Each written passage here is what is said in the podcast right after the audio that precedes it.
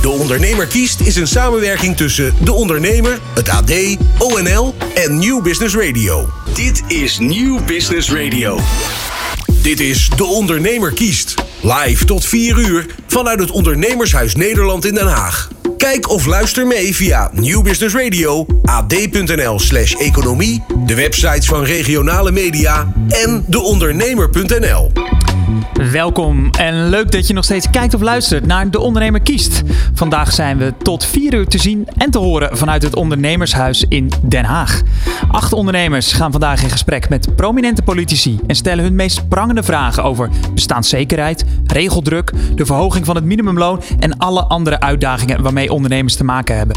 We nemen je even in vogelvlucht mee door het resterende programma van vandaag.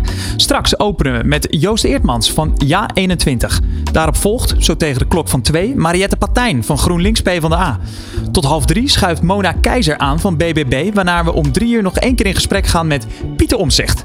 Tussen de interviews door gaan we duiden met Hans Biesheuvel, voorman van ONL. En naast hem schuift ook consumentenpsycholoog Patrick Wessels aan. De presentatie van vandaag is in handen van Ron Lemmens en mijzelf, Jonathan van Noort. En je hoort het al, het is nog steeds een bomvol programma vandaag tussen 10 en 4 bij De Ondernemer Kiest. Live vanuit het Ondernemershuis Nederland in Den Haag is dit De Ondernemer kiest. Presentatie Jonathan van Noort en Ron Lemmens. De ondernemer aan het woord. Wat gaat de overheid doen aan de regelzucht voor het MKB? En wat is de invloed van Europa op de kleine ondernemer? Die en andere vragen wil Maruska Greven van Juwelier Goudshop stellen aan de politiek. En daarover gaat ze in gesprek met Ja21-voorman Joost Eertmans en presentator Olivier de Neven. De ondernemer aan het woord. Zitten we hoor, met uh, Maruska Greven van Ja. de Goudshop. Een juwelier op eh, steenworp afstand van het Binnenhof. Yes, klopt. Dat is hartstikke mooi. En met Joost Eertmans, voormalige wethouder, fractievoorzitter van Leefbaar Rotterdam. Tegenwoordig alweer een paar jaar eh, sinds een afscheiding van Forum voor Democratie. Eh, fractievoorzitter en lijsttrekker van Ja21. Ik begin even bij jou, eh Maruska. Want Ja. ehm, eh, ja, je zit op een steenworp afstand van het Binnenhof. Dan zou je zeggen, dan heb je ook korte lijntjes met eh, de heren en dames eh, daar. Had, had, want ze zijn allemaal weg. Het Binnenhof is gesloten Ja. wegens renovatie. Dus ja, Ja. Eh, do I need to say more? Ja. Nee Niet hoor, er lopen, er wel eens politici langs. Dus. Ja. En ik heb wel in de loop der jaren heel veel politici ook eh, mogen ontvangen in de winkel. Dus, eh. En ik ben voorzitter van het overkoepelend overleg Pleinkwartier geweest. Jarenlang dus. Ik heb zelfs nog ingesproken in de Kamer. In verband met de renovatie Binnenhof. Dus. Ook wel politiek betrokken wat dat betreft. in ja, ieder geval, en ik wil iedere keer denk ik, ik doe een stapje terug of ik, ik wil er eigenlijk niks meer van weten. Gewoon Mhm. omdat ik vind dat het de verkeerde kant op gaat. Maar ja, als je je mond niet open doet, dan Ja. gebeurt er ook niks. Nou, je hebt nu een politicus hier eh, tegenover Ja. je zitten. Eh. En eh, iemand die zich een politicus noemt van een, een partij voor ondernemende en werkende mensen. Dus je zou zeggen, daar kun je Ja. wel wat vragen aan stellen. Waar loop jij vooral tegenaan en waar wil je Joost Eertmans dingen over vragen? Ja, maar niet zozeer over mij alleen, over de kleine ondernemer eigenlijk. Mhm. Dus de regelgeving vanuit de EU is toch wel een ding eh, dat ik denk van ja, hebben wij hier in Nederland nog iets te vertellen? Eh, ja, de regelgeving, de, de Green Deal bijvoorbeeld, wat heel veel invloed heeft op mensen. Het minimumloon is vanmorgen ook al genoemd, hè, de verhoging Ja. voor mensen. Dus ja, het, is, het, het hele ondernemersklimaat is gewoon minder Zullen we eens eh, bij Europa beginnen? Ik denk dat Joost Eertmans Ja. dat helemaal niet erg vindt. Eurosceptische partij toch wel? Nou, precies. Wij Ja. zijn zeer eh, eurosceptisch. En, en zeker op het gebied van moet die EU uitbreiden. Wij denken met uitbreiding wordt het alleen maar nog eh, onoverzichtelijker. Maar daarnaast ook gewoon de druk vanuit Brussel op, op landen. Dus inderdaad, het, eh, het bekende, de bekende Green Deal. We hebben ze uitgerekend wat dat kost per Nederlander. Van eh, hè, de deal van meneer Timmermans. Dat is 26.000 euro per persoon. En dan hebben we het niet over het klimaatpakket van Jetten. Maar alleen maar over zijn Green Deal. Dus het kost heel veel geld. We worden ook op een niet level playing field gezet. Hè. Nederland wordt extra zwaar aangetikt eh, door Nederland en Brussel eh, ten opzichte van andere landen. Dus dat raakt absoluut ook aan bedrijven. Ja. Wat wilt u daar dan aan doen? Nou, kijk, wij zien de afgelopen 13 jaar onder, onder al die Rutte-kabinetten dat die lasten dus met 5 miljard zijn gestegen. Dat is inmiddels bekend. Eh, dan zit Dylan Jezielkus met eh, Rick Nieman in discussie eh, gisteren bij, bij WNL op zondag. En dan zegt ze, nou, bij ons gaan die lasten toch eigenlijk wel weer, eh, weer omlaag. Maar dat is niet zo, want ze gaan dus nog eens 1,4, bijna 2 miljard omhoog. Hè, boven het basispad van Rutte, zoals het Centraal Planbureau dat noemt. Dus VVD zet heel veel in op toch lastenverzwaring en bij jaar 21, en het is doorgerekend, dus je kan, ik kan het ook zonder reclame zeggen, gaan die lasten omlaag met een miljard uh, voor, voor bedrijven. En dat zit hem natuurlijk in kosten, in heel veel kosten. Dan zit hem ook in regels. We zien uh, dat, het, dat het aantal regeltjes wat, wat toeneemt, dat moet omlaag. En dat drukt ook via die energietransitie. Neem nou het elektrisch rijden. Heel, heel ja. veel transportbedrijven hebben daar vreselijk veel last van, moeten van diesel dus over naar elektrisch. Ja. Hoe doe je dat? Nou, dan moet je dus drie keer zo'n grote truc, dure truc kopen. Die moet weer heen en weer gereden worden, want oplaadpunten zijn er niet. Hè, dus dan moet je weer kosten maken. En dat komt allemaal of via de prijs weer bij de mensen terecht, in de supermarkt of waar dan ook. Of bij jullie, hè, in, in, in de mm -hmm. detailhandel. Ja. Of ja, het gaat ten koste van het bedrijfsleven. En dat zijn dingen waar jij in 20 van zegt, waak ervoor en doe het niet. Dus wij willen op de rem, op, op de regeltjes en de lasten omlaag. Ja, ja, ik heb begrepen dat uw collega Rob Roos daar mee bezig is ook. Ja. Dan heb ik daar nog een vraag over. Als we het toch over de EU hebben, dat is de uh, Central Bank Digital Currency. Hoe zit u daarin als partij? Want daar krijgen wij natuurlijk mee te maken. Ja. De komende jaren, waarschijnlijk vanaf 2029. Maar wat ik heb begrepen is dat de ondernemer de klos is qua kosten Kost is en het grootste infrastructuur. Probleem. Ja. En... Digitale euro, kijk, wij zeggen, we hebben ook gezegd cash moet, blij, moet blijven. Maar digitale euro kan, er, kan erbij. Alleen, uh, hij is natuurlijk wel En daar gaat het over. Wat reken je door? Maar dat heb ik ook met Jacco Vonhoff besproken. Uh, rond uh, de kosten van, van de energietransitie. Het, ze zeggen letterlijk, het tempo is voor ons niet bij te benen. En we hebben dus gewoon al die kosten al moeten maken om, om aan die klimaateisen te voldoen. Maar het wordt alleen maar meer. Dus ja, 21 zegt ja, daar moeten we op de rem. En dat kan ook, want uh, het is ook geen heilige, het is niet een heilige opdracht. Het is een opdracht die we zelf hebben uitgekozen. Dus Nederland kiest ervoor om die route van 35 miljard op te gaan. En een hele hoop kosten voor bedrijven. Terwijl je ook kan zeggen, we gaan het doen op de manier in tempo dat wij ons bedrijfsleven niet laten verzuipen. Want nogmaals, het gaat of ten koste van de prijzen die omhoog gaan, of uh, bedrijven moeten gewoon mensen ontslaan. Ja.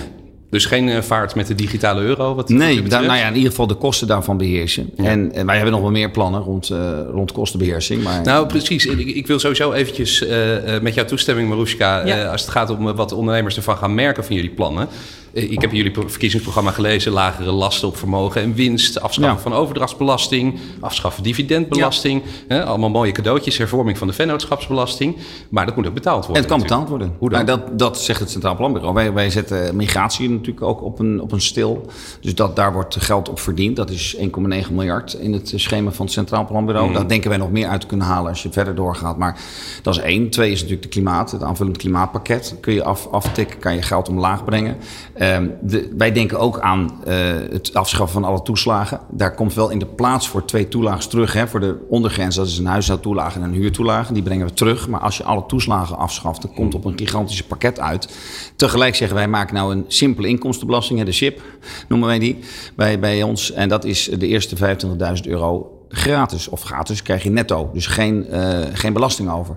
Nou, dat is een belastingvrij voet die ertoe doet. En dan kun je dus ook mensen geld in het portemonnee geven om weer te gaan shoppen en, en, geld uit te geven, wat ze nu niet doen. Dus daar zit denk ik ook een winstpunt. Dat je de mensen meer koopkracht geeft. En dat is berekend bij ons 1,4% meer koopkracht bij A21 in het ja, programma. Dat klopt. Wat ook berekend is in die CPB-doorrekening is dat uh, jullie de MKB-winstvrijstelling zouden verlagen naar 9%. En dat kost bedrijven juist een miljard. Ja, daar zit, dat heb ik ook gevraagd. Maar dat is een combinatie volgens mij met de andere maatregelen die we treffen voor, voor het MKB. Waardoor dat in de, in de som niet kon worden meegenomen. Dus in, in de regel zijn wij wel MKB-vriendelijk. Is volgens mij het stempel wat wij opge, opgelegd krijgen. Wat we ook bijvoorbeeld doen, is het minimumloon niet omhoog brengen. Dat is, zijn we de enige partijen. Hè? De, de enige partij die zegt, we hebben nu die 10% erbij.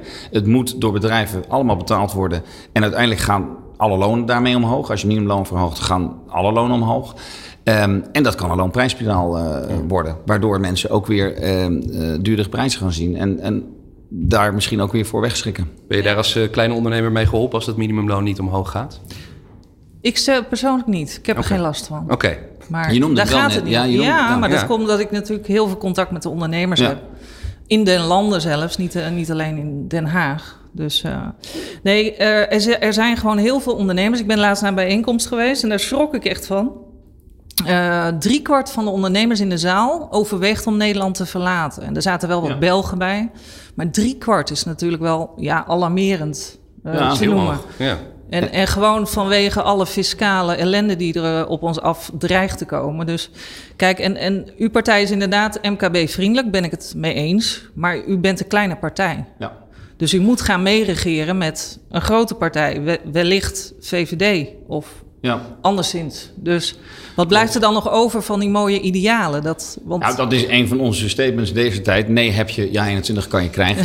Dat is hem, eh, dat is hem in, in kort, Dat is kort, kort gezegd. Die staat op onze trui, zeg maar. Alleen het punt is wel, die VVD die blijft de hele tijd wankel. Ook na, vooral na de verkiezingen gaan ze toch vaak dingen inleveren. En dan denk ik dat als wij een x aantal zetels halen en je komt in een coalitie waar ja 21 voor genoemd wordt op rechts en andere partijen op rechts juist niet, dan kun je dus wel een, een VVD ook bij, eh, bij het jasje houden van jongens, we gaan niet weer die lasten zo verhogen voor burgers niet en bedrijven. En kom nou eens je beloftes na op, op migratie en op klimaat. Kijk, als we dat kunnen doen, en dat kan je serieus al met drie, vier, vijf zetels, kan je daar een vuist op maken. Kijk maar naar de ChristenUnie, zeg maar op links.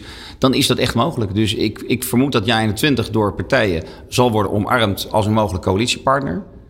En met een x aantal zetels kan je dan ook wel je vuist maken. Ja, dat is dus wel de, de, de maar natuurlijk, hè? een x-aantal zetels. Ja. Jullie worden nu gepeild op één, twee zetels. Nou, rond de twee. Dus de peilingwijzer is ja. 1 tot 3. Nou ja, dat, je ziet nu Ja. dat 50% twijfelt van kiezers. Dus dat, dat is ook een gegeven. Daarvan twijfelt nou, 2, komma zoveel zetels nog onze kant op, eh, zegt, eh, zegt Maurice de Hond en anderen.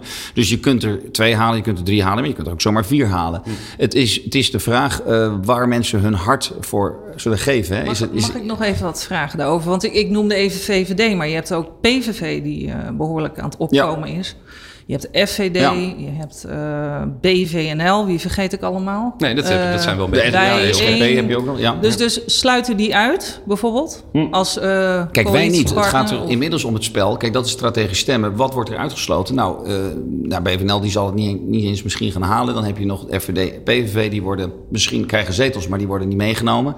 Wij zijn de enige partij op rechts, rechtsliberaal, hè, dus conservatief liberaal pro-ondernemerschap, die er serieus toe doet. Met welke zetelaantallen wij, wel- welke zetelaantal wij ook halen. We zullen Ja. wel worden uitgenodigd. Nou, dat is het grote verschil met PVV en FVD. Dat je daar dus ook wel je stem dubbel waard kan zien eh, worden. Omdat we na de verkiezingen in een coalitie terecht kunnen komen. dat is een groot voordeel. Is niet helemaal zo, toch? In de PVV is nu uitgebreide vrijages aan het doen met Ja. eh, de VVD en NSC. En, Ja. Nee, NSC dus niet, U want- denkt eh, dat dat niet gaat Nee, gebeuren mag- uiteindelijk? ik denk dat Wilders wel behoorlijk aan het vrijen is. Maar er wordt heel weinig waar- hartstochtelijk teruggevreden. Misschien ook uit electoraal over, overweging hoor. Dat kan. Maar een omzicht heeft hem feitelijk uitgesloten. Heer Zielke zegt, zegt gisteren tegen, tegen niemand van de, de, de verschrikkelijke plannen van Wilders. Kijk, wij kunnen goed werken met Wilders.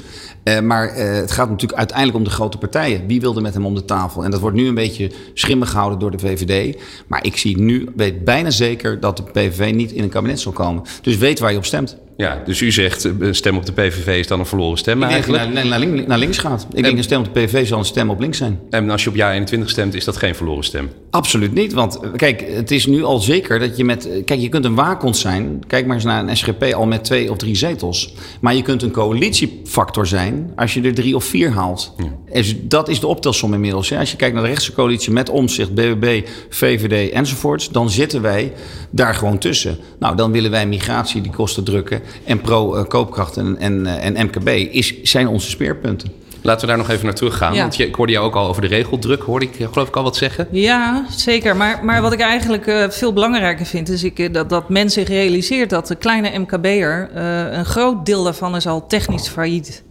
Dus dat is nog niet zichtbaar, maar men stopt al zijn eh, laatste gelden, eh, giften, alles, alles wordt in het bedrijf gepompt om het draaiende te houden voor de buitenwereld en om toch alles te kunnen betalen.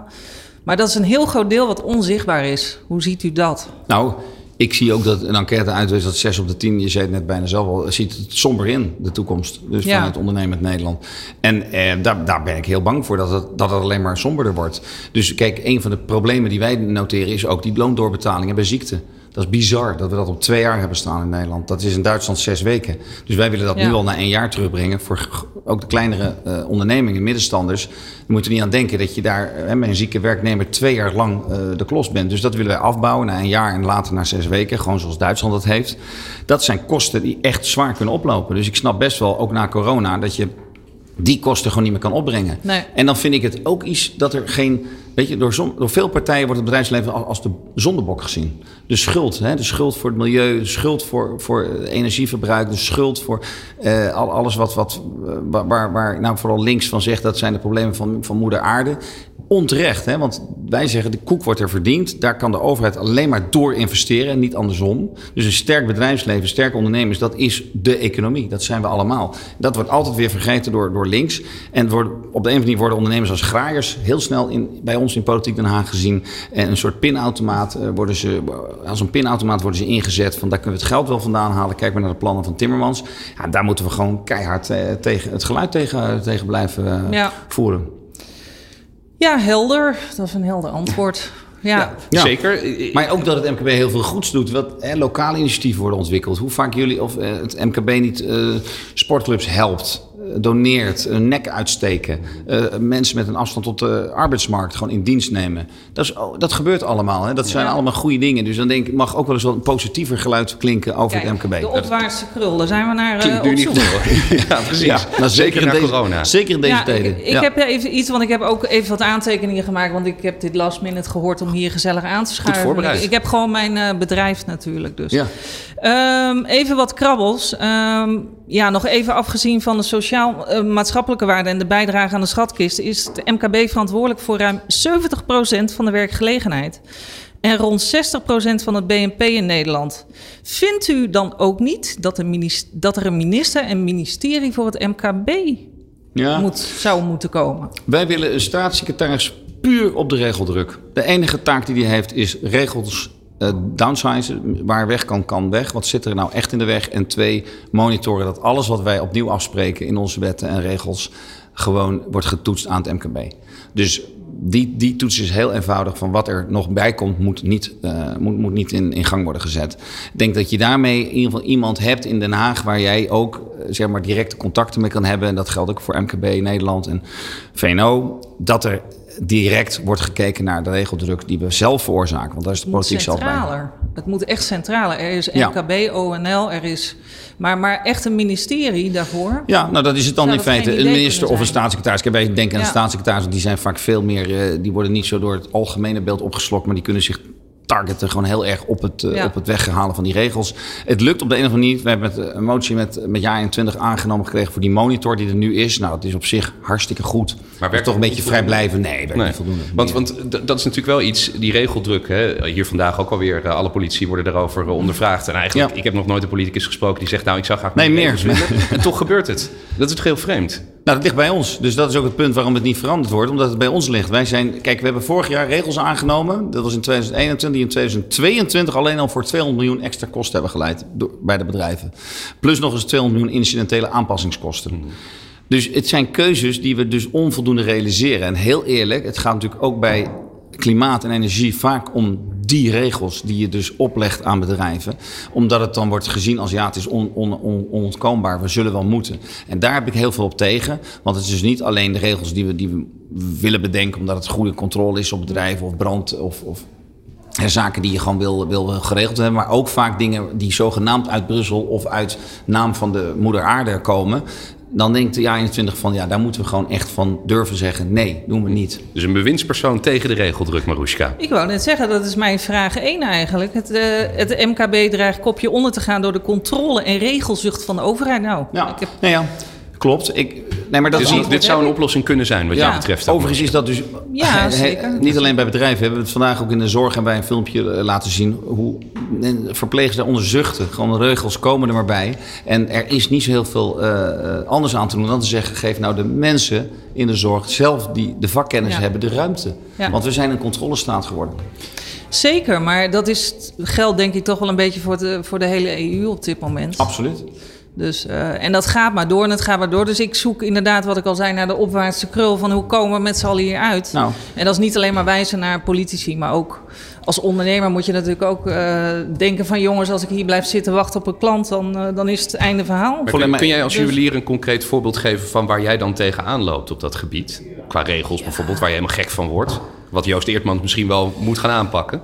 Ja, niet, niet specifiek. Het, het, barst van de regels. Er, komen, er komt zoveel op ons af dat ik eigenlijk iemand moet inhuren om te zeggen: wat, wat moet ik volgend jaar, wat kan ik beter wel of niet doen? Nou heb ik iemand in mijn omgeving die briljant is. Dus om maar even bij de vaktermen te blijven. Dus die adviseert mij absoluut. Maar dat helpt Eh, ja. Dat- en dat- dat helpt gewoon dat hij uber slim is. Maar als Ja. je die niet hebt, dan. Ja, het is, A, heel goed dat jullie aan de bel hangen hier. Hè. Dat in Den Haag bedoel ik dan, bij ons. Want dat, dat helpt altijd. Ook Ja. voor debatten, heel concreet. Als wij debatten over MKB of, of bedrijfsleven hebben... dan helpt dat gewoon als jullie duidelijk maken van... zo zit de pijn nu en help ons.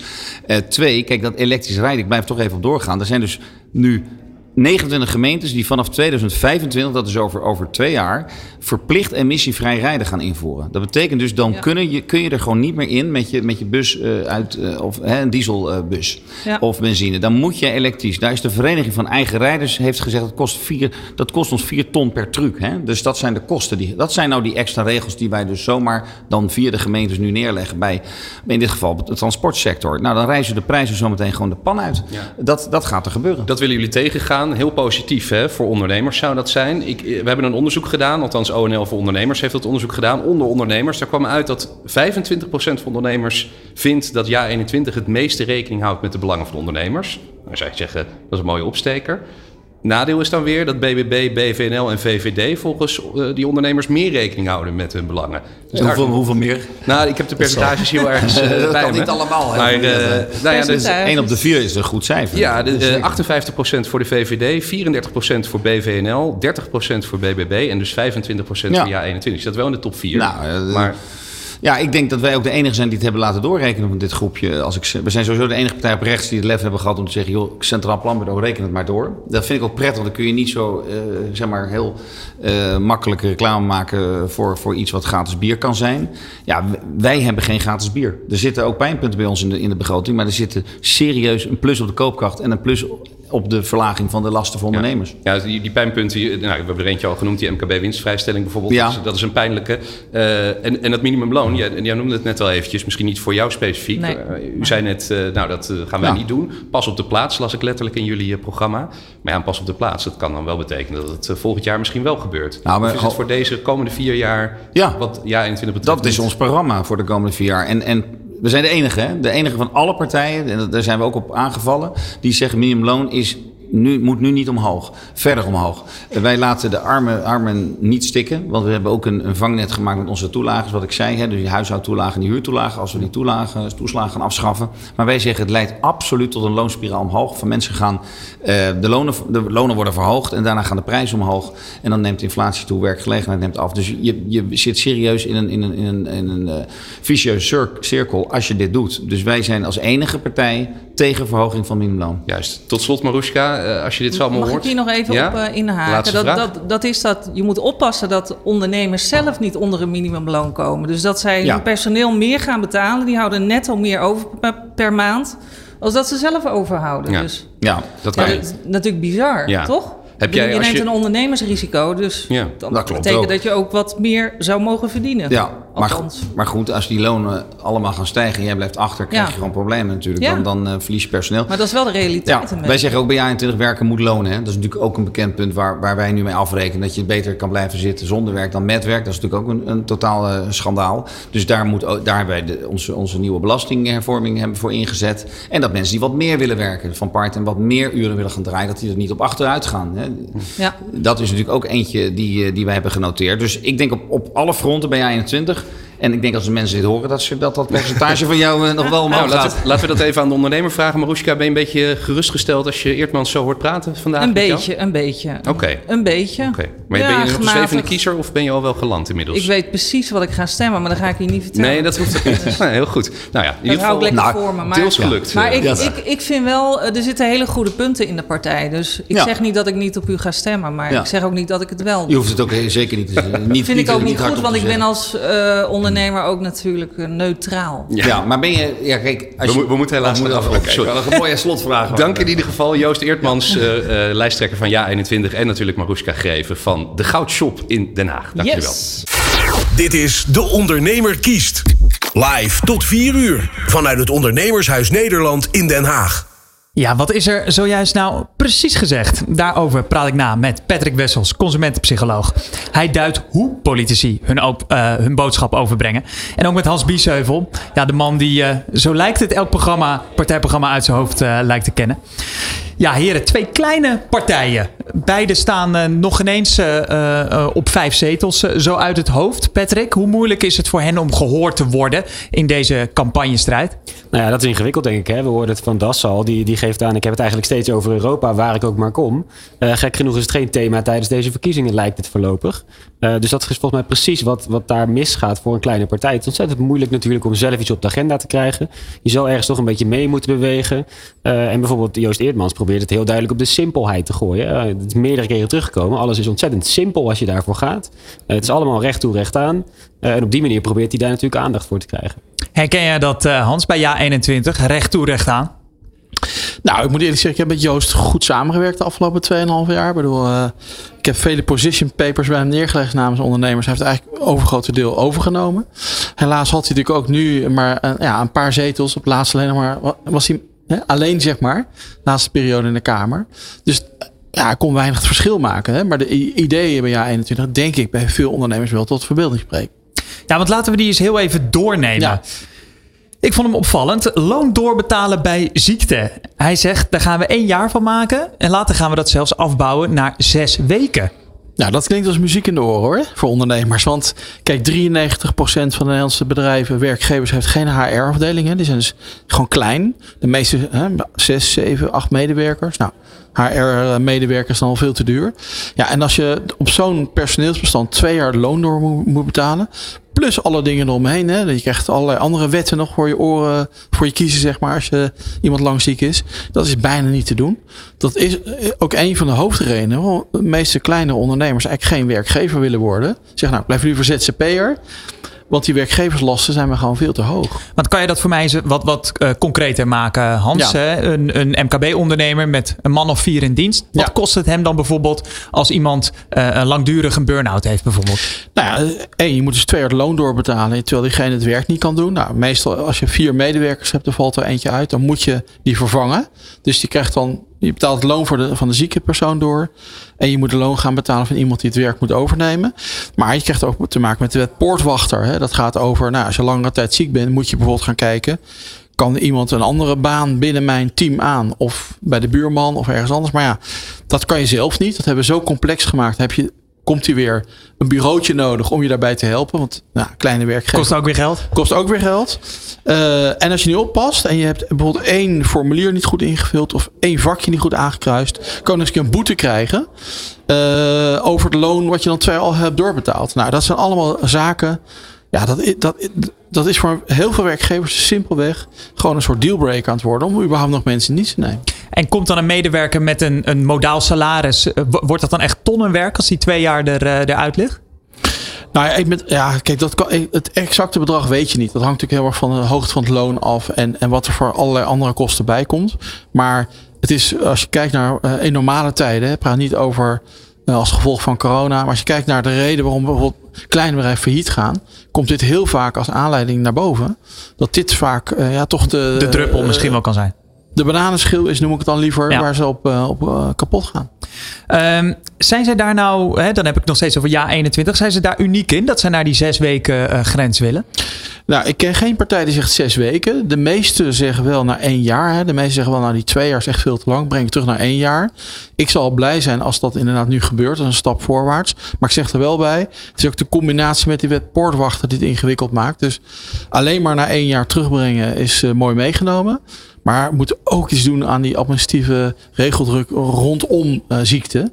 Uh, want dat is uh, kostenverhogend. En nogmaals, het leidt ertoe dat ja, voor de meeste ondernemers het bijna onmogelijk is om ja, met zo'n situatie gewoon zelf om te gaan op een normale manier. Ja, Hans, dan wil ik even een quote eigenlijk langs de, de factchecker Hans Biesheuvel halen. Joost Eerdman die stelt: Wij zijn de enige partij die tegen de minimumloonsverhoging is. Klopt dat? Uh, ja, dat klopt. Inderdaad. Uh, iedereen roept uh, natuurlijk, ja, denk ik toch om de kiezers te paaien, het minimumloon moet omhoog. Wat al die partijen vergeten is dat het minimumloon al met 25% gestegen is de afgelopen jaar. Komend 1 januari nog eens een keer met 10% omhoog gaat. Praten we over 35% stijging. Ehm, en ik ben helemaal niet tegen verhoging van minimumloon. Maar het tempo waarin het nu gaat is veel te hoog. Kunnen bedrijven niet doorberekenen in hun prijzen. Het zet druk op de rest van de lonen, want die gaan ook allemaal omhoog. En wat de politiek doet, en daar ben ik echt, uh, echt heel pissig over, eerlijk gezegd. Kijk, die, dat minimumloon is gekoppeld aan heel veel uitkeringen. Bijvoorbeeld de AOW-uitkering. Nou, dat betekent dat de overheid miljarden extra kwijt is aan uitkeringen. En wat doet men dan? Dan gaat men belastingen naar ondernemers verhogen om dat eh, te dekken, zeg maar. Ik heb het geroepen een paar weken geleden. Een soort dubbele torpedo word je door geraakt. Aan de ene kant, nou ja, ik zeg het nog maar even, straks aan het einde van dit jaar 35% stijging van het minimumloon. Tegelijkertijd krijg je extra belastingen om het overheidstekort uh, te dekken. Nou, dat is, uh, vind ik echt unfair uh, overkomen. Dus ik ben wel blij dat in ieder geval ja 21 een klein beetje voor ons opneemt. En zegt van ja, let even op wat je doet. Even een snelle vraag, Hans. Hoeveel MKB-ondernemers zijn er in Nederland ongeveer? Uh, pff, nou, het aantal ondernemers zit ver boven een miljoen. Het overgrote deel is MKB. Dus vele honderdduizenden. Hoe kan het dan dat ja 21 gepeld wordt op één zetel? Als dit toch de standpunten zijn die een MKB-ondernemer moet aanspreken? Maar ik denk, ik denk het probleem van ja 21 is dat ze gewoon natuurlijk. Ja, Joost zit niet bij, die, bij al die debatten op televisie. Hè. Hij moet natuurlijk hebben van uh, optredens in het land. Maar ik denk dat hij te weinig aandacht krijgt landelijk om bij kiezers echt voldoende in beeld te zijn. Dan wil ik heel even naar, uh, naar Patrick uh, Wessels, de consumentenpsycholoog. Waar ik nog bij zat te denken, eigenlijk misschien ook wel bij Joost Eertmans. Ik heb het even moeten opzoeken. Hij heeft ook wel wat partijen versleten. Hè? De LPF, Groep Eertmans, 1NL, Leefbaar Capelle, Forum en nu Ja 21. Dit is een partij nummer 6. Heb jij uh, het idee dat dat ook wel hem parten kan spelen uh, nou, bij ik weet niet of iedereen het lijstje kan herhalen inderdaad. Dat hij dat net zo goed weet als jij. Dat, dat durf ik niet te zeggen. Op het moment dat dat een, een item wordt, dan zou dat natuurlijk niet meehelpen aan je geloofwaardigheid. Dat klopt. Uh, aan de andere kant, uh, juist omdat ze een kleine partij zijn, nou ja, kun je nu duidelijk gaan staan voor bijvoorbeeld de ondernemer. Uh, kun je ook heel nadrukkelijk die richting kiezen en hoef je over heel veel andere thema's iets niet te, niet te zeggen. en dat probeert hij natuurlijk heel erg te gebruiken eigenlijk. Hè. En, daarmee is wel het risico dat je een, bijna een soort van one-issue partij wordt als je daar te, na, te nadrukkelijk op gaat zitten. dus dat is het belangrijke risico waar hij eigenlijk mee speelt, denk ik. we hebben net heel veel over uiteraard de ondernemer gehoord, omdat we er ook concreet naar vragen.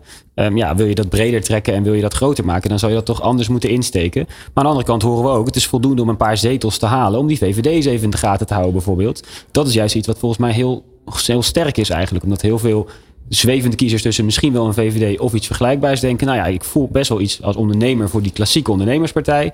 Ze beantwoorden niet helemaal aan mijn behoefte op dit moment. Misschien moet ik iemand hebben die hen nou eens in de gaten houdt. Dat speelt hij volgens mij heel slim. Ja, en dan komen we een beetje in de ChristenUnie-SGP-rol. Als een soort, nou ja, ook een soort poortwachter kom je dan eigenlijk uh, uit, uh, Hans. Nou ja, en dat kan de VVD wel gebruiken. Hè? Want ik bedoel, de afgelopen jaren leek het er toch vooral op dat de coalitie bij elkaar houden belangrijker was dan ja, de eigen achterban. nou, die achterban heeft mevrouw Jezielkes ook afgelopen zaterdag gezegd. Hebben we onevenredig veel van gevraagd. Ik zou zeggen, is payback time hè, voor de VVD.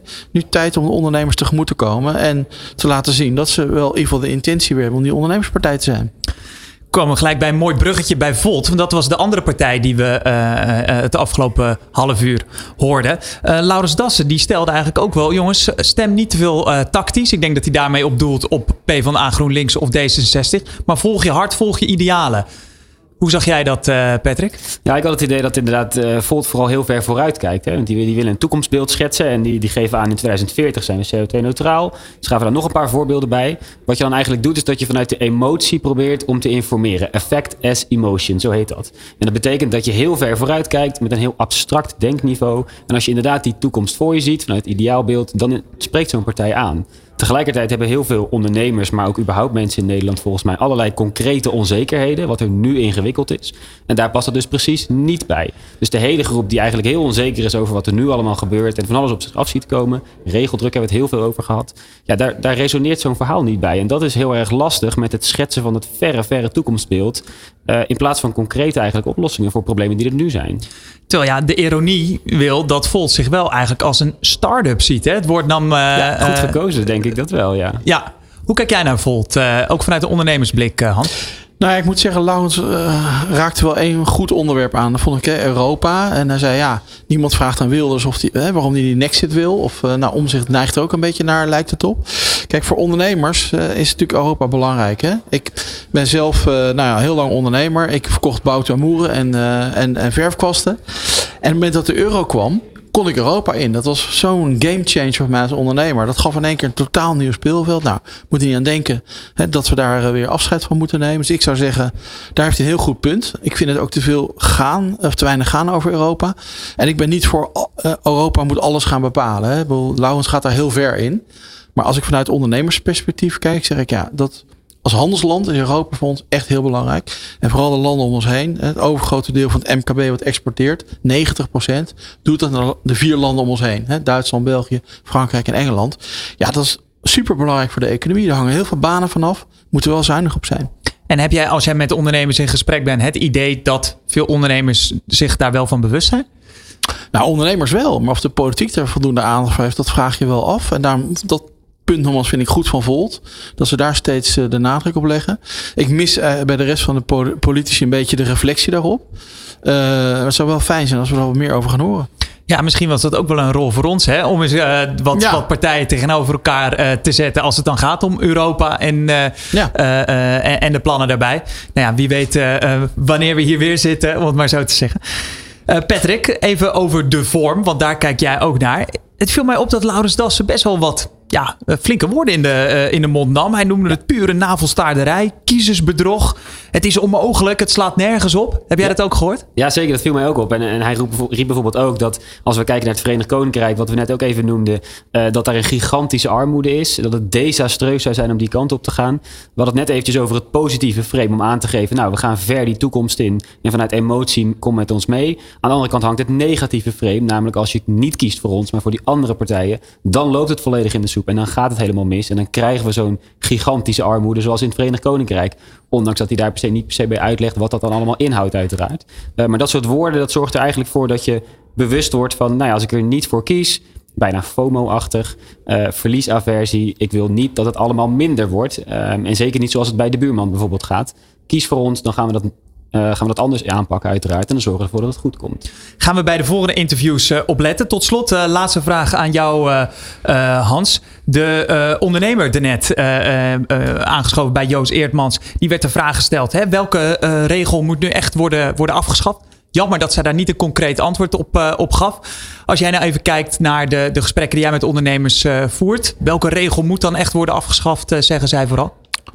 Nou, ik kan, ik kan er wel heel veel concreet noemen. Maar ik noem maar bijvoorbeeld de energiebesparingsplicht. Hè? Nou, ik kom geen ondernemer tegen die niet op zijn energie wil besparen. Want anders kan hij zijn rekening niet meer betalen. Maar daar hebben we zo'n uh, enorm ingewikkelde regelgeving voor bedacht. Nou, zelfs de ondernemer die er vanmorgen was, die heel erg gelooft in de duurzaamheid. Die zei, kom er zelf niet meer uit. Dus dat, dat soort type maatregelen van, maak het, het heel complex maakt. Juist voor ondernemers die graag willen, die koplopers zijn. Dat vind ik heel teleurstellend. Maar het gaat bijvoorbeeld ook over 1 januari. Moet je iedere vervoersbeweging van iedere medewerker minutieus hè, van beweging tot beweging gaan vastleggen. Enorme administratieve last op bedrijven. En wat schiet je ermee op als ondernemer? Helemaal niets werkelijk. Het doel is ook helemaal niet duidelijk. Ja, en dat soort type regels, daar word je gek van. Ja, regeldruk. We gaan het vast horen in de volgende interviews. Dank in ieder geval nu voor de duiding Hans Biesheuvel en consumentenpsycholoog Patrick Wessels. Dit is De Ondernemer kiest op Nieuw Business Radio. De ondernemer aan het woord. Er is een tekort aan geschoold personeel. En vooral na corona is dat probleem groter geworden. Dat stelt Merel Halacelli, kapster uit Enschede en betrokken bij kappersvakbond Anko. Zij wil van GroenLinks PvdA weten wat zij daaraan willen doen. Daarover gaat ze in gesprek met Mariette Patijn van GroenLinks PvdA en presentator Ron Lemmens.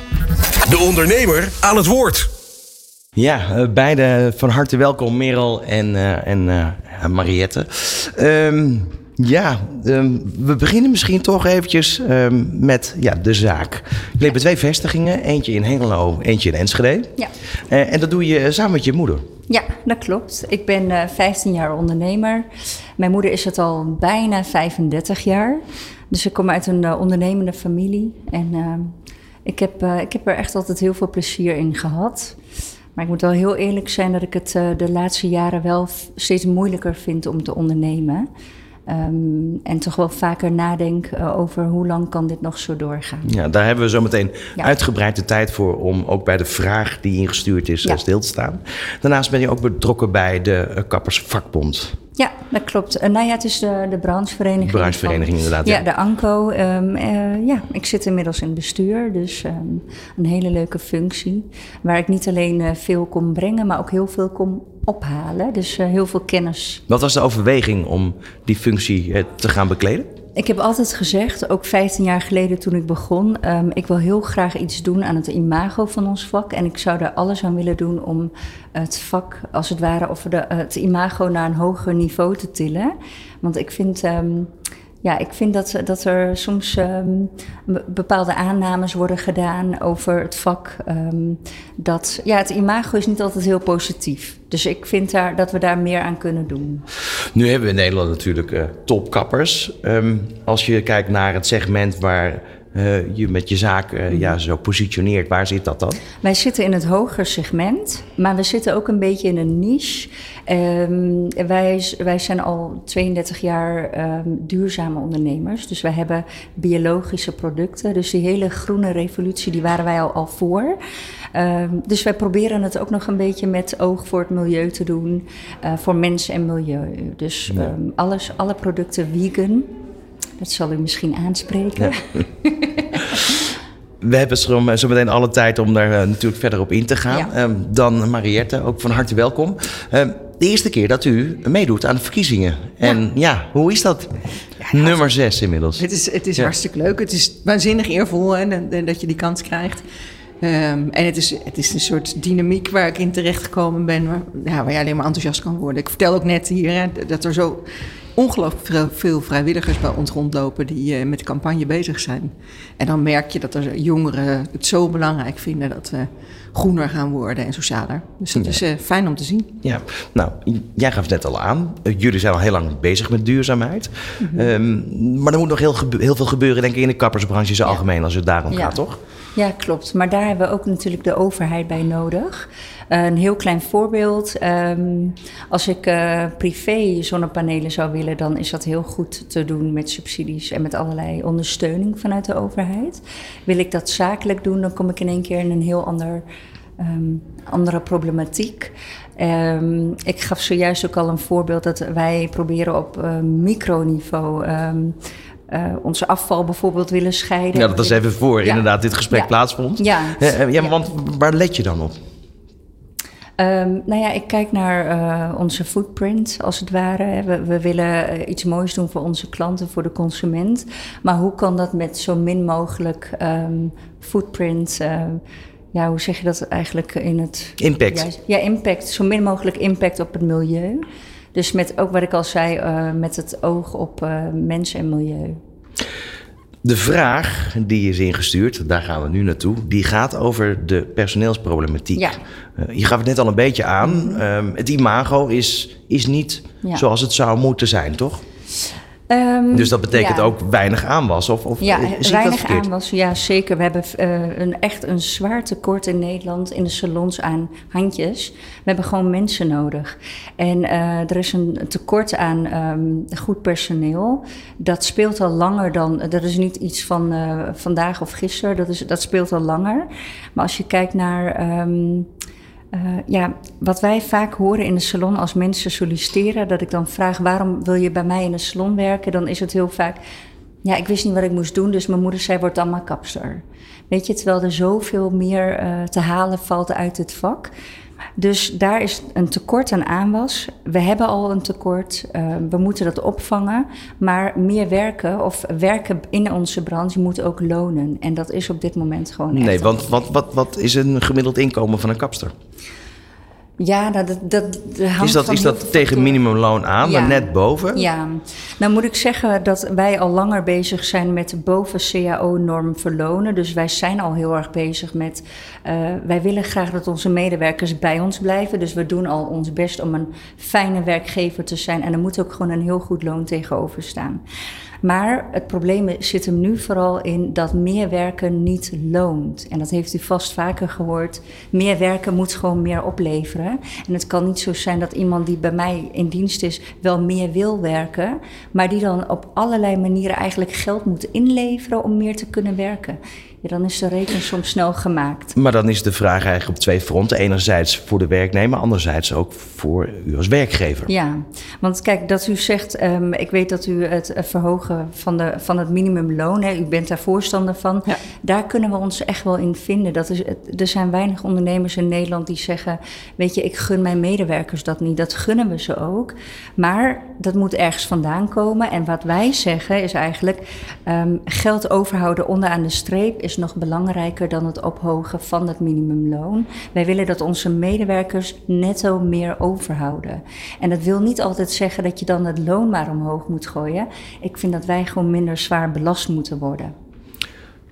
Nou, Ja, dat is, nee, dat is een, een bekend verhaal en dat is niet nieuw. Um, uh, aan de ene kant uh, heb je, hoe stimuleer je nou mensen om meer te gaan werken? En uh, heb je het met de toeslagen te maken? Mm, dat, is, ja. dat is het hele verhaal van, nou, daar, zijn we, daar is iedereen het over eens dat er naar gekeken moet worden. Ja. Maar, maar niet, tot, tot welke schaal? Maar, ja, ja hè, dus, dus niet, niet zonder dat mensen, mensen moeten niet in de armoede gestort worden. Dus nee. je moet die toeslagen ook niet zomaar nee. gaan afschaffen, nee. want die staan wel ergens voor. Klopt, ja. Dus dat is, hoe zorg je nou dat mensen meer gaan werken? nou, nou, dat, dan moet dat, dat bruto-netto traject voor die mensen anders zijn. Um, om de lonen te verhogen. Kijk, mensen moeten wel meer gaan verdienen. Ook voor, voor, juist voor, voor, ook voor de kappers. Hè. Mensen gaan toch meer naar de kapper als ze meer verdienen hebben. Dus als ja. ze niks te besteden hebben, ja. dan kunnen ze, kunnen ze dat niet betalen. En dan ja. gaan ze ook minder snel naar de kapper toe. Dus ik denk dat gaat zich ook terugverdienen. Um, we hebben gezegd, als we dit soort maatregelen nemen, vinden we het ook belangrijk dat uh, premies als de arbeidsongeschiktheidspremie en de WW-premies voor werkgevers, mm -hmm. uh, met name voor het kleinbedrijf, ook bijgesteld gaan worden. Dus daar hebben we, dat hebben we in ons plan meegenomen als je dit soort stappen uh, gaat nemen. Dus zonder meer willen we die stappen nemen. Maar hoe gaat, maar dat, dan, ik, hoe gaat dat dan opgevangen worden uiteindelijk? Want het moet ergens vandaan komen. Ja, nou, we hebben, hè, we hebben een totaal plan gemaakt van. Je, je, de grotere bedrijven, die kunnen wel eens wat meer bij gaan dragen aan de belastinginkomsten. Uh, en de kleinere bedrijven worden gestimuleerd om meer te gaan betalen. Uh, in ieder geval het minimumloon van 16 euro. Maar uh, dan krijgen ze ook wat, wat verzachtende ja, dus met name in de premie. Dus, dus je verschuift op de, op de corporates in Nederland. Ja, ja. Um, maar dan heb je daar weer de uitdaging van het vestigingsklimaat, wat dus somberder gaat worden. Ja, ja nou, doorrekening, daar zijn veel discussies over. En uh, ik ben ook geen doorrekenwonder van hoe zit dat dan precies. Maar onze doorrekeningen wijzen wel uit dat dat allemaal wel te overzien blijft. Dat werkgelegenheid alleen maar zal toenemen. En dat er dus genoeg kansen blijven, uh, ook om, voor de economie om te groeien. Dus daar zal het niet in zitten.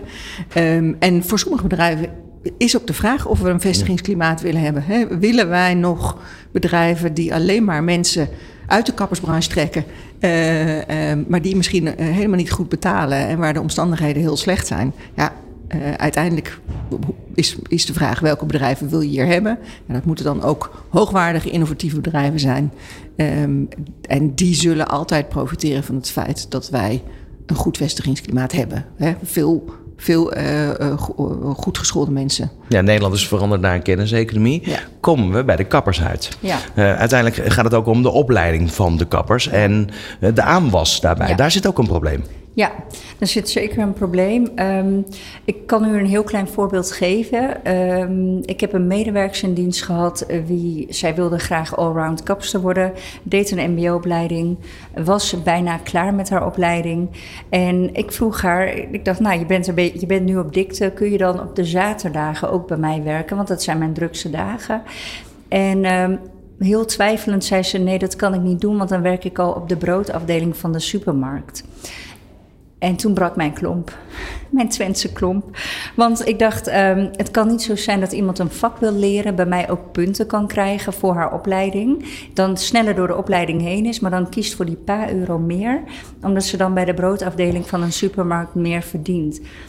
Uh, daar moet ik dan tegenaan boksen. Hè. Dus ik, ik heb gezegd, uh, wat verdien je? Daar ga ik een euro boven zitten per uur.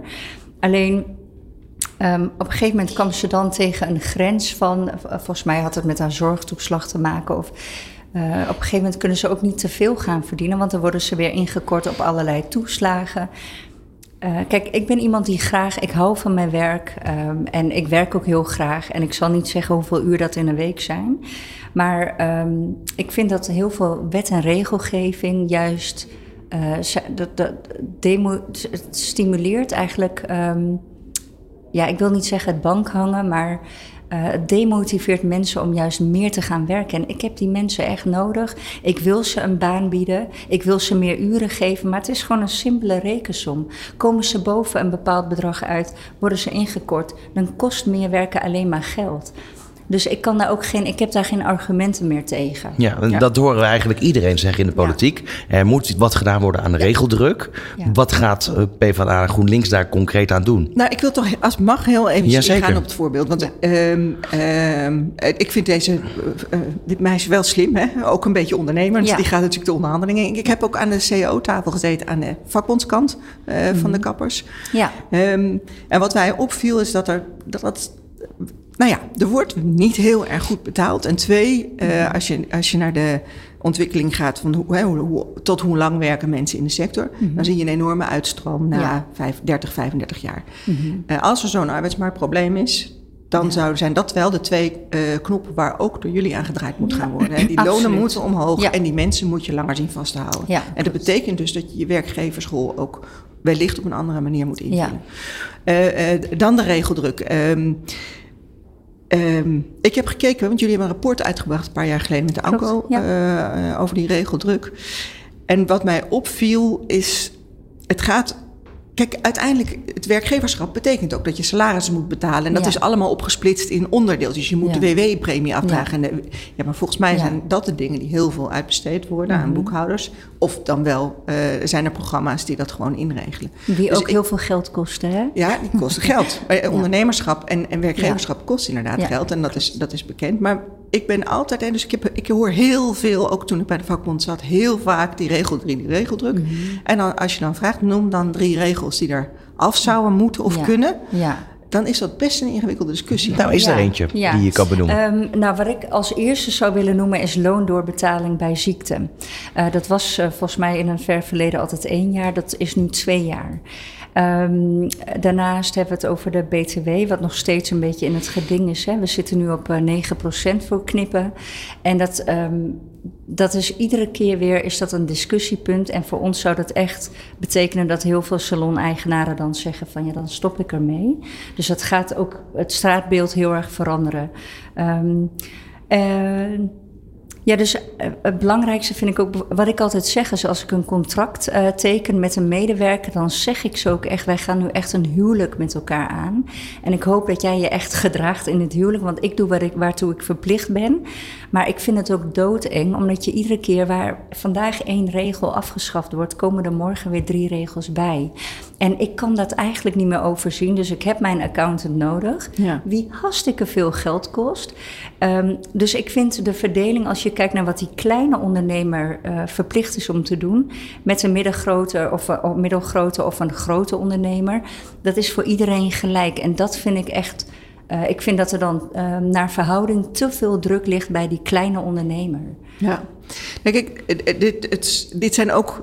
Dit, wordt heel vaak regels genoemd. ehm, eh, maar dat gaat ook over rechten van werknemers. Dus dat Ja. zit een beetje. Hè, Ja, dus de, het, klopt. b- eh, het botst. Maar ik, ik, ik vind de, het woord regel dan een hele gekke. Eh, het is, want ik denk aan regel, heel veel administratie en ingewikkeld. Ja, ook. Terwijl. Ehm eh, loon doorbetalen bij ziekte gaat over een recht van werknemers Ja. als ze ziek Ja. worden. Nou, en eh, daar ga ik ervan uit, eh, in het algemeen, als mensen ziek zijn, zijn ze ook ziek. Hè? Ik ken ook de verhalen van, oh, dat is ook zo Mhm. Vervelend, want die doet dan, hè, die meldt zich dan weer ziek. Maar in het algemeen zijn mensen ziek als ze ziek zijn. En dan moeten die rechten geregeld worden. Wat Mhm. Wij in ons programma op hebben genomen is, laten we eens kijken hoe we het in het tweede jaar op een goede manier kunnen regelen voor het MKB. Ja, En dat is in, eigenlijk ook wel in lijn met afspraken die, eh, eh, die ook in de Stichting van de Arbeid en de SER zijn ge- gemaakt. Ehm, hoe kun je nou zorgen dat je daar ehm, nou ja, wat kan opvangen? Mhm. Ja. Maar het belang dat mensen uiteindelijk wel kunnen reïntegreren in het werk. Mhm. Ja. eh, en dus ook weer aan het werk gaan als ze weer beter worden, is Ja. wel echt heel groot. Ja. Niet alleen voor die werknemer, niet alleen voor die werkgever, maar ook een maatschappelijk belang. klein voorbeeldje als het nog even kan. Ja, we hebben nog even. Ehm, ik, ik, ik, ik heb een zieke gehad, een langdurig zieke. En ehm, wat ik dus niet wist, was op het moment dat zij zich ziek had gemeld, ik onmiddellijk een telefoontje kreeg van mevrouw, u bent vanaf vandaag ook haar case manager. En een paar maanden later vanaf vandaag bent u ook haar reïntegratiemanager. Dus ik ben en de werkgever en de case manager en de reïntegratiemanager. En daarnaast ben ik ook nog gewoon moeder en uh, heb ik nog heel veel andere petten op. Ja. En dat zijn dingen, kijk, daar zijn bij andere bedrijven, bij grote bedrijven zijn daar hele afdelingen voor. Hè? Nu moest ik dit allemaal in mijn eentje Ja. doen. En wat ik net al aangaf, ik ben niet die knippende kapper, dus ik onderneem echt en ik laat het knippen aan de experts Ja. over. Tot slot, ja, de, de Ja. korte reactie nog even. Ja. Nee, ik, ik, ik denk ehm, dat in de uitvoering en de interpretatie van de wetgeving hierover, hè, dat gaat over de wet Poortwachter, eh, eh, ook nog wel eens gekeken zou kunnen worden wat voor een opdracht de arbodiensten daarin eh, in zien en wat de interpretatie daarin is. Maar ik denk dat het heel erg belangrijk is dat we wel zorgen dat mensen terug kunnen naar het werk en daar Ja. ook in gestimuleerd worden Ja. en geholpen worden. Ja. Mag ik jullie beiden danken voor de komst. Eh Mariette Partijn, eh, succes met de, de verkiezingen die eraan Dank. komen. En Meral Halassi. ja, dankjewel. Dit is tot 4 uur De Ondernemer kiest op Nieuw Business Radio. Ja, dat was hem alweer. Uur 4 van De Ondernemer kiest. Het vliegt voorbij. Straks praten we onder meer met de BBB. En gaan we het ook hebben over MKB-financiering. Dat allemaal in het vijfde uur van De Ondernemer kiest.